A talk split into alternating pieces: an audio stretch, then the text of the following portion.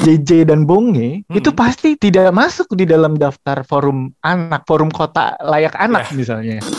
Anak secara umum saja termarginalkan, apalagi ini kita bicara anak yang miskin, anak yang ada di pinggiran kota misalnya, hmm. itu semakin termarginalkan lagi. Sebenarnya tidak hanya berhenti di viralitasnya aja, tapi menjadi momen untuk ayo kita merevisit lagi deh cara kita membangun kota yang ramah anak untuk melihat aspirasi mereka nih.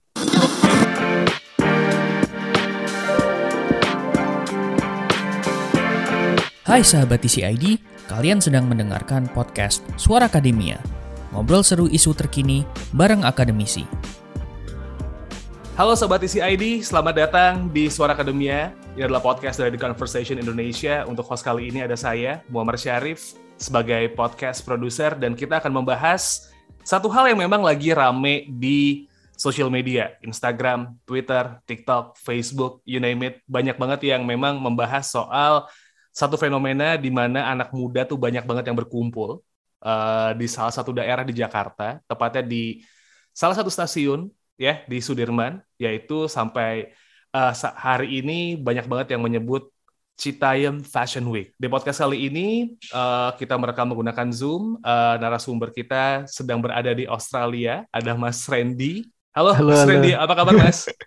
halo, halo, alhamdulillah sehat. Gimana Mas Acil? ya, Jakarta lumayan seru gitu. Australia gimana mas? Australia juga uh, sedang musim dingin jadi yeah. jadi kita sedang beradaptasi uh, dengan kedinginan ini gitu ya. Butuh, butuh yang anget-anget nih kayak diskusi hari ini gitu ya. Iya. butuh beberapa penyesuaian. Tapi ini Mas Randy, mungkin pertanyaan mm, pertama yang uh, bakal uh, aku tanyain gitu. Ketika berbicara soal fenomena Citayam Fashion Week, ini kan mm. fenomena yang kayaknya semua orang mendengarkan ini gitu ya dan juga melihat ini di Instagram, di TikTok gitu. What comes to your mind nih Mas sebagai seorang peneliti urban atau mungkin rural development dan juga social inequality gitu soal tren ini nih Mas? Mm -hmm. Sebelum menjawab pertanyaan itu aku bikin disclaimer dulu kali ya. Uh -huh. Jadi uh, apa yang aku sampaikan jadi uh, pandangan ini uh, di podcast ini merupakan pandangan pribadi gitu ya. Walaupun aku punya afiliasi sebagai peneliti Semeru katakanlah, tapi ini tidak serta merta mewakili pandangan lembaga gitu ya. Sebenarnya yang pertama kali ada di benak itu mungkin karena latar belakangnya adalah peneliti gitu, jadi hmm. uh, apa fenomena ini sebuah isu yang menarik untuk dikaji bukan hanya soal bagaimana fenomena ini terjadi dan mengapa ini terjadi. Tetapi yang yang juga menarik adalah untuk um, uh, melihat sejauh mana implikasinya terhadap kebijakan publik. Misalnya sejauh mana fenomena ini dibaca, didalami, dan melihat implikasinya terhadap pembangunan kota Hmm. yang inklusif misalnya kota yang ramah anak dan remaja pemuda gitu ya apalagi ini kan uh, fenomena ini dibawa secara organis uh, secara begitu saja gitu ya secara tiba-tiba uh, oleh anak-anak muda di pinggiran kota hmm. Jakarta yeah. gitu dan apakah fenomena ini juga bisa dibedah untuk melihat sejauh mana Eh, ruang-ruang uh, kota besar seperti Jakarta ini bisa menjadi instrumen untuk meningkatkan kualitas hidup anak dan remaja, terutama remaja pinggiran kota yang kita mungkin punya asumsi mereka selama ini termarginalkan, yeah. gitu ya dari dari pembangunan kota. Menarik deh buat di dikaji gitu.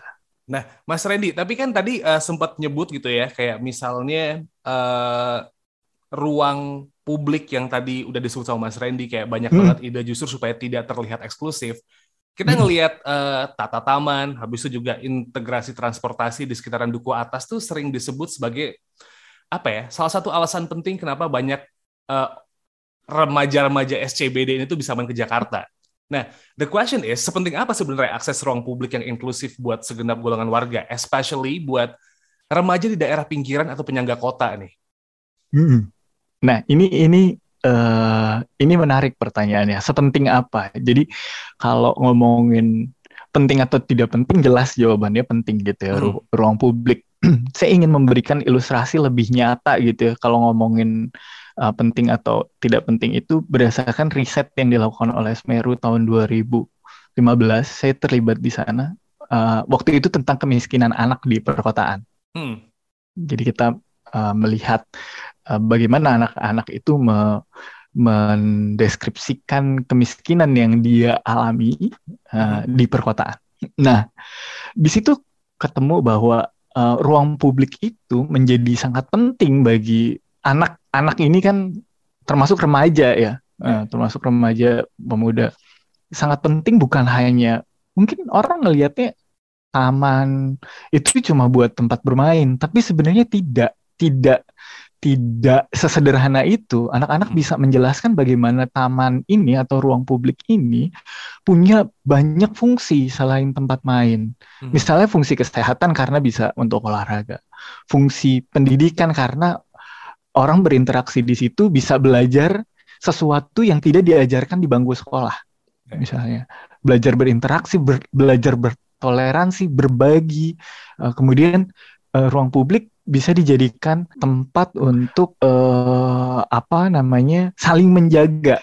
Nah, hmm. pada saat kami melakukan penelitian itu ternyata banyak kejadian salah satu hmm. case-nya di Jakarta. Banyak kejadian ruang-ruang publik yang menjadi simpul interaksinya anak hmm. itu digusur karena kepentingan orang dewasa yeah. gitu ya. Jadi kan karena ada relasi relasi yang timpang antara orang dewasa dengan anak yang paling mudah untuk dilenyapkan gitu ya adalah kepentingan anak gitu ya hmm. uh, anak bisa main di jalan misalnya gitu hmm. tapi begitu ini digusur menjadi tempat parkir misalnya atau uh, ada satu case di Jakarta juga ruang publiknya itu ditembokin gitu karena katanya mau dibangun uh, menjadi apartemen atau pasar gitu ya ternyata dampaknya apa ini anak-anak sendiri loh yang menceritakan ya. Okay. Jadi jadi men, bisa mendeskripsikan sedalam itu. Jadi dampaknya adalah ketika ruang publik yang ini bisa yang ini tadinya menjadi simpul eh, bagi anak-anak berinteraksi dan saling menjaga, tidak ada lagi. Anak-anak ini jadi hmm. mencar mainnya. Jadi ke warnet, uh, sampai nggak tahu waktu, hmm. mabok-mabokan, jadi tukang parkir, ruang publik gitu. Yeah uh, uh, apa uh, fungsinya. Nah ini ini ini dampaknya ketika uh, ruang publik itu lenyap gitu ya, karena hmm. akan menghilangkan nilai-nilai yang itu menjadi kebutuhan bagi anak meningkatkan uh, kesejahteraannya bukan hanya kesejahteraan dari sisi ekonomi tapi uh, non material gitu ya. Eh, kebahagiaan, kesehatan mental uh, uh, dan lain sebagainya. Nah itu yang yang rasanya uh, uh, jadi hilang setelah uh, ruang publik tidak ada gitu. Oke, ini adalah jawaban dari anak-anak uh, yang memang uh, Mas Reni dan juga teman-teman dari Smerdu gitu yang sudah uh, coba hmm. ditanyakan ketika 2015 gitu, Mas. Artinya ya. secara nggak secara nggak langsung mungkin sebenarnya ketika ada ruang publik yang uh, let's say dihilangkan dalam tanda petik gitu ya. Karena kepentingan-kepentingan orang tua mm. gitu. Kepentingan yeah. orang dewasa. Secara nggak langsung anak-anak ini juga ngasih tahu bahwa kita juga butuh tempat untuk berkumpul dan melakukan banyak hal gitu ya. Secara nggak langsung betul, mereka betul ya. betul betul betul sekali. Dan dan tadi karena ada uh, ketimpangan relasi itu dalam pembangunan kota suara anak tuh memang jarang didengerin mm-hmm. Suara suara remaja itu itu jarang didengerin. Saya uh, hampir hampir hampir bisa memastikan bahwa siapa JJ dan Bonge hmm. itu pasti tidak masuk di dalam daftar forum anak forum kota layak anak yeah, misalnya. betul. Di Citayam misalnya. Saya hampir bisa memastikan. Karena gini anak secara umum saja termarginalkan apalagi ini kita bicara anak yang miskin, anak yang ada di pinggiran kota misalnya, itu semakin termarginalkan lagi karena faktor-faktor deprivasinya semakin faktor-faktor uh, marginalitasnya, keterpinggirannya itu semakin banyak, miskin, pinggir kota, uh, apa misalnya pendidikannya rendah itu kan semakin membuat mereka termarginalkan lagi gitu. Nah makanya ini tuh fenomena ini menjadi menarik ketika sebenarnya tidak hanya berhenti di viralitasnya aja, tapi menjadi momen untuk ayo kita merevisit lagi deh cara kita membangun kota yang ramah anak untuk melihat aspirasi mereka nih yang hmm. selama ini termarginalkan dalam pembangunan kota. Oke, lumayan menarik nih. Gimana caranya kita bisa uh, dapat insight dari anak-anak ini, Mas? Itu yang jadi pertanyaan gitu. Karena ketika Riset. melibatkan riset itu ya. Enggak. How, how, we, how we capture it gitu maksudnya. Uh, di era eh, apa di era digital ini kan sebenarnya mudah sekali ya uh, me, me, memperoleh informasi. Walaupun sebenarnya uh, begitu banyak informasi juga membuat kita tuh uh, uh, apa menjadi uh, apa kita menghadapi kelangkaan atensi yeah. gitu makanya ada konsep kemudian uh, udah cukup lama sebenarnya diperkenalkan namanya uh, attention economy gitu ya ekonomi hmm. atensi uh, di mana di tengah banjir informasi ini di era digital ini orang-orang tuh uh, uh, apa berusaha termasuk kita nih podcast ini hmm. berusaha memproduksi informasi yang bisa menarik atensi banyak orang hmm. dalam dalam hal kebijakan publik ini menarik nggak sih buat buat uh, pengambil kebijakan gitu hmm. termasuk uh, Citayam Fashion Week ketika viral mampu mereka mestinya mampu untuk menarik atensi atensi uh, uh, para pemangku kebijakan untuk merevisit kembali uh, cara mereka uh, membangun kota. Nah, caranya gimana? Uh, momennya udah ada, hmm. tinggal ayo deh sama-sama kita bisikin nih pemangku kebijakan. Coba gali lebih dalam hmm. uh, aspirasi anak ini. Makanya tadi saya bilang uh, mestinya tidak berhenti dari viralnya saja, tapi kita perlu kajian lebih dalam untuk mendengarkan aspirasi. Sebenarnya apa di balik fenomena ini yang hendak diaspirasikan oleh anak-anak di forum anak libatin deh anak ini gitu hmm. untuk untuk uh, didengerin bahwa misalnya kembali lagi ke ruang publik bahwa membangun ruang publik bukan hanya semata-mata uh, ruang publiknya ada mungkin di Citayam ada gitu ya hmm. uh, mungkin di Citayam Bojonggede ada tapi kenapa mereka tidak memilih di sana oh. misalnya karena ten bisa jadi uh, apa bisa jadi ruang publik di sana tidak bisa memenuhi kebutuhan mereka untuk mengekspresikan aspirasinya. Mm-hmm. Gitu. Di Jakarta bisa selain karena mungkin instagramable gitu, mm-hmm. tapi mudah bagi mereka untuk ketika mereka hadir di, di Jakarta membuat konten, memproduksi konten, mudah bagi mereka untuk me menghimpun atensi lebih banyak orang untuk melihat dia sebagai warga kota yang ingin diakui dan uh, apa aspirasinya tersampaikan. Nah, cuma aspirasinya ini nih yang perlu kita dalemin gitu. Apakah cuma sebatas viral gitu? Mm -hmm. Artinya sesimpel pertanyaan why Sudirman, why Duku Atas itu bisa digali hmm. dan akhirnya bisa jadi bikin satu yang lebih bisa. itu ya. Nah, tapi kita tadi berbicara soal uh, ruang publik gitu. Um. Kita tahu bahwa stasiun uh, Duku Atas Sudirman ini kan bisa dibilang jadi melting pointnya anak-anak uh. Citayam hmm. Fashion Week ini ya, gitu. Kalau misalnya kita ngeliat uh, tadi taman adalah tempat untuk anak-anak berekspresi gitu, ada nggak sih dampak ekonomi atau lainnya kalau misalnya mereka nggak dapet ruang publik yang bagus nih? Hmm balik lagi ke konsep uh, attention economy tadi. Uh. Gini, begitu seseorang mendapatkan atensi, hmm. gitu ya, para remaja Citayam ini mendapatkan atensi, ini eh, pasti ada sesuatu yang sedang mereka tuju. Apakah itu berkaitan dengan ekonomi ataupun non ekonomi, tapi yang jelas keviralan mereka itu adalah upaya mereka untuk meningkatkan kualitas hidup. Kalau saya baca gitu ya, uh, dari media gitu kan uh, beberapa anak ketika uh, event itu uh, berlangsung menjadi viral kemudian mendatangkan endorse bagi bagi dia yeah. dari brand tertentu peluang ekonominya menjadi lebih besar untuk mereka meningkatkan kualitas hidup. Uh, nah itu yang juga yang juga bisa kita lihat sebenarnya uh, uh, dari dari fenomena ini. Nah kita sudah tahu nih bahwa ada fenomena yang lumayan menarik sebenarnya Mas Randy ya buat dibahas gitu. Kalau kita sedikit berandai-andai atau mungkin bisa mengilustrasikan gitu nih Mas, akses ruang publik yang inklusif dan nggak bias kelas yang kayak gimana sih? Mungkin bisa ada kota yang dijadiin referensi gitu kayak ini pas banget nih, inklusif, jadi inspirasi hmm. juga buat dibangun gitu. yang yang terpikir pertama kali uh, uh, dari dari saya itu ketika ngomongin inklusif itu dia harus aman. Jadi ruang kotaknya, ruang publik kotaknya itu harus aman bagi siapa pun hmm. dengan latar belakang apa pun, uh, latar belakang sosial ekonomi apakah itu berdasarkan gender berdasarkan umur gitu ya karena di, di, didorong oleh remaja gitu. Dia harus menjadi ruang yang aman bagi siapa pun melampiaskan ekspresinya me, menyalurkan aspirasinya. Hmm. jadi harus aman dulu nih. Kalau nggak aman pasti nggak ada yang mau uh, mengakses ruang publik itu. Ya. jadi pertama harus aman. Yang kedua harus affordable harus bisa dijangkau gitu.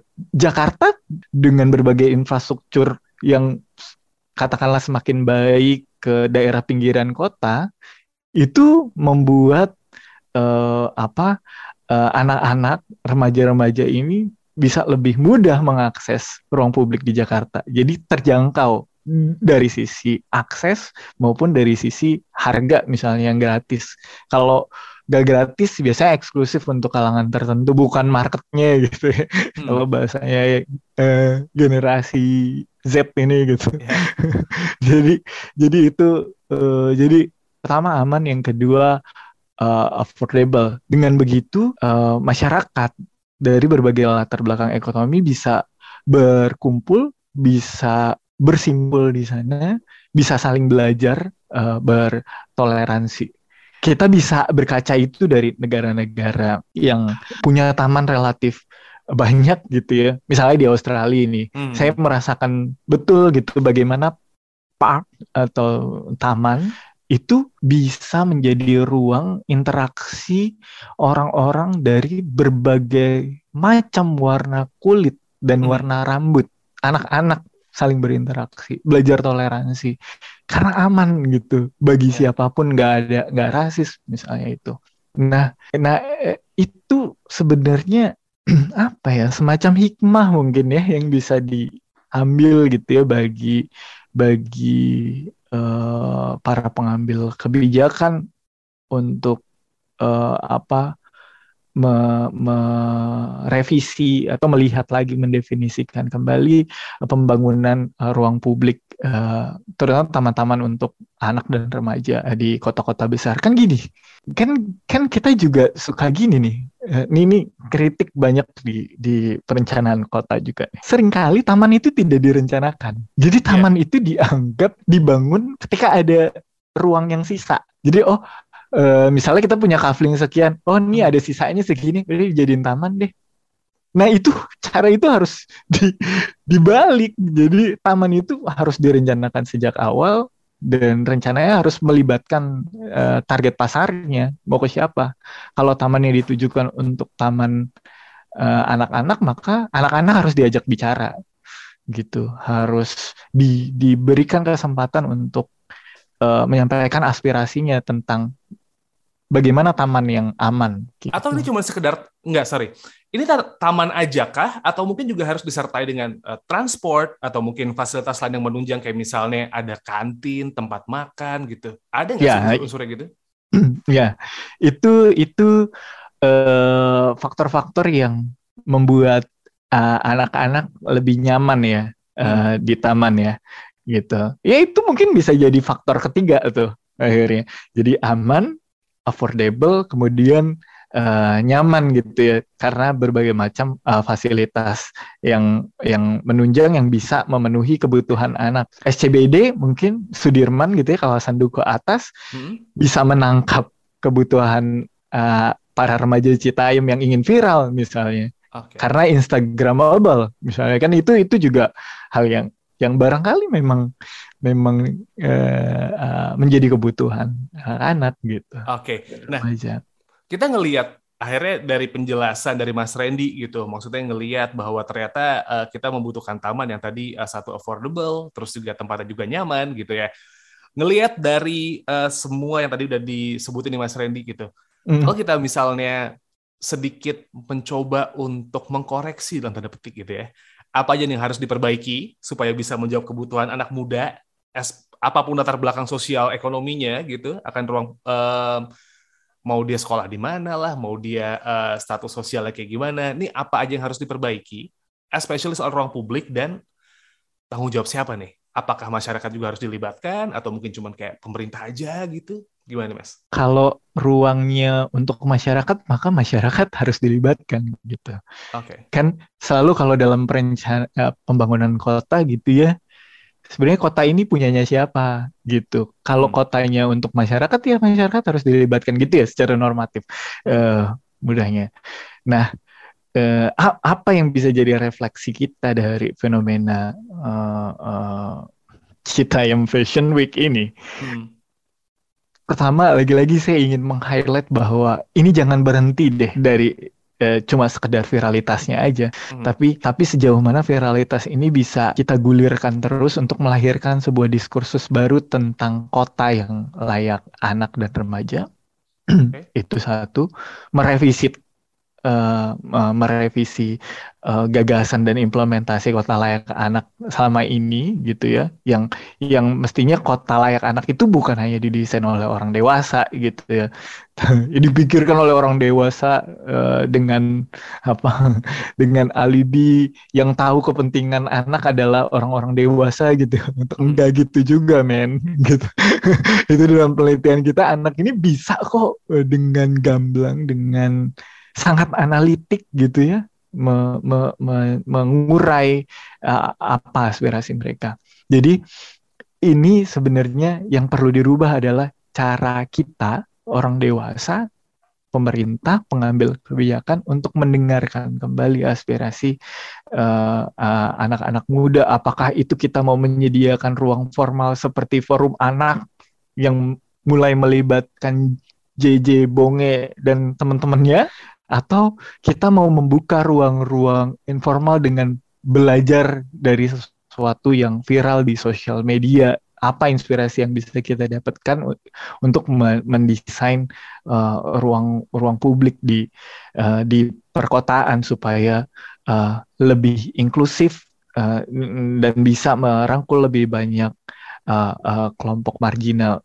gini gini, nih saya punya refleksi lagi nih jadinya. Hmm. Jadi ingat jadi di tahun 2015 itu kita melihat uh, apa kota layak anak sendiri konsepnya hmm. ada forum anak gitu. Uh, ada forum anak ya sebagai wadah aspirasi itu ternyata juga elitis ya hmm. kan. Jadi yang terlibat di forum anak itu adalah anak-anak yang berprestasi. Oke. Okay. Gitu. Jadi anak-anak tertentu yang berprestasi yang kegiatannya di dalam forum anak itu adalah ikutan lomba cerdas cermat gitu. Jelas itu anak-anak yang uh, miskin, anak-anak yang termarginal kan itu nggak punya ruang di sana. Yeah. Makanya tidak punya ruang di di wadah yang formal seperti forum anak. Makanya ah, ini yang menarik dari informalitas. Makanya informalitas itu menjawab merespon kebutuhan mereka akan akan uh, aspirasi. Muncullah uh, fenomena-fenomena yang yang hadir uh, semacam ini untuk tadi menggugat lah ya istilahnya konstruksi uh, pembangunan kota selama ini yang yang selalu citranya tuh modern mm. uh, apa eksklusif gitu ya luxury gitu ya. Sekarang digugat nih. Nah, uh, ini jadi pertanyaan yang lumayan menarik dan mungkin bisa jadi uh, last questions juga nih Mas Randy. Artinya pembangunan taman yang proper, pembangunan ruang publik yang proper itu tuh tidak hanya dibutuhkan sama daerah metropolitan aja dong ya. Artinya semua daerah di Indonesia dari ujung Sumatera sampai ujung Papua ini membutuhkan ruang publik yang seproper ini gitu supaya akhirnya semuanya nyaman buat tinggal di situ. Iya nggak sih artinya? Iya, jelas. Karena kalau kita bisa me me mewujudkan itu maka akan merata gitu. Hmm. Semua nggak akan bergantung ke Jakarta. Kalau Citayam bisa semenarik Jakarta gitu ya. Kenapa dia harus jauh-jauh ke Jakarta gitu kan? Hmm, hmm, hmm, gitu atau Bojonggede semenarik Jakarta, kenapa harus jauh-jauh di ke Jakarta gitu? Kalau Citayam Bojonggede sendiri bisa menjadi wadah mereka ber beraspirasi gitu. Oke, jadi intinya adalah uh, ketika misalnya memang masing-masing daerah itu bisa menciptakan ruang publik yang nyaman, ruang publik yang hmm. memang uh, inklusif untuk semua usia, semua golongan, mm, everything mm. will be fine ya. Jadi fenomena-fenomena yep. ini justru malah bisa ditangkap dan akhirnya semua publik berdasarkan apa pun golongannya gitu, nggak peduli, mereka bisa kumpul di situ jadi kayak uh, semacam melting potnya mereka ya. Betul, no one left behind akhirnya. Wow. Jadi nggak ada yang tertinggal gitu. Semua punya kesempatan akhirnya di mana pun mereka berada. Itu yang paling penting. Jadi kalau misalnya kita coba nyimpulin dari obrolan uh, dari topik yang bisa dibilang sih viral banget ya sampai hari ini bahkan gitu. Kalau misalnya ngelihat di uh, TikTok bahkan udah muncul Dora versi Depok. Ini artinya memang ada satu fenomena yang harus dilihat bahwa anak-anak ini kenapa mereka akhirnya berkumpul di stasiun Duku Atas dan ternyata memang ini mungkin jawaban dari riset yang Semeru lakukan di tahun 2015 Mas Randy ya bahwa mereka hmm. membutuhkan ruang publik untuk mereka berkumpul belajar ataupun mungkin juga melepas penat gitu ya kurang lebih ya. Ya, jangan-jangan di masa yang akan datang cita yang Fashion Week ini bisa diekspor secara global gitu ya. Udah kayak hmm. K-pop fashionnya yeah. itu di di spread ke seluruh dunia. Jangan-jangan besok orang Amerika pada cita yang fashion gitu.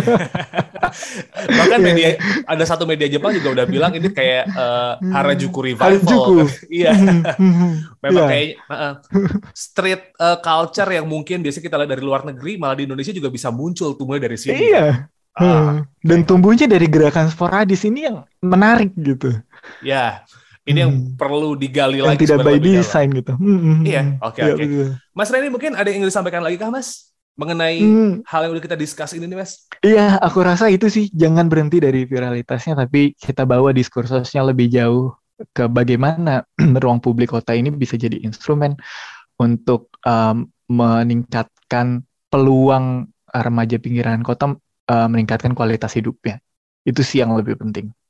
Oke. Okay memperhatikan seluruh golongan, memperhatikan seluruh usia, it's the most important thing kalau misalnya yep. kita emang pengen ngebentuk suatu tata kota gitu Mas Randy ya. Hmm. Jadi kotanya untuk semua gitu.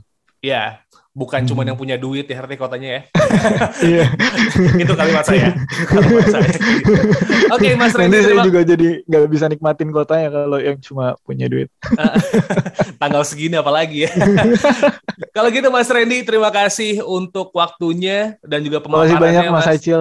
Hmm. Ya, semoga sehat selalu Mas di Australia dan juga untuk uh, sobat isi ID yang pengen tahu segala informasi dan dan juga pendapat akademisi bisa cek website kami di theconversation.com. Uh, follow social media kami di Conversation IDN itu untuk um, TikTok, Instagram, dan juga Twitter. Plus, uh, dengerin terus Suara Akademia yang selalu tiap minggu kita update. Saya Muhammad Syarif pamit, ketemu lagi di episode berikutnya. Kalian telah mendengarkan podcast Suara Akademia, ngobrol seru isu terkini bareng akademisi.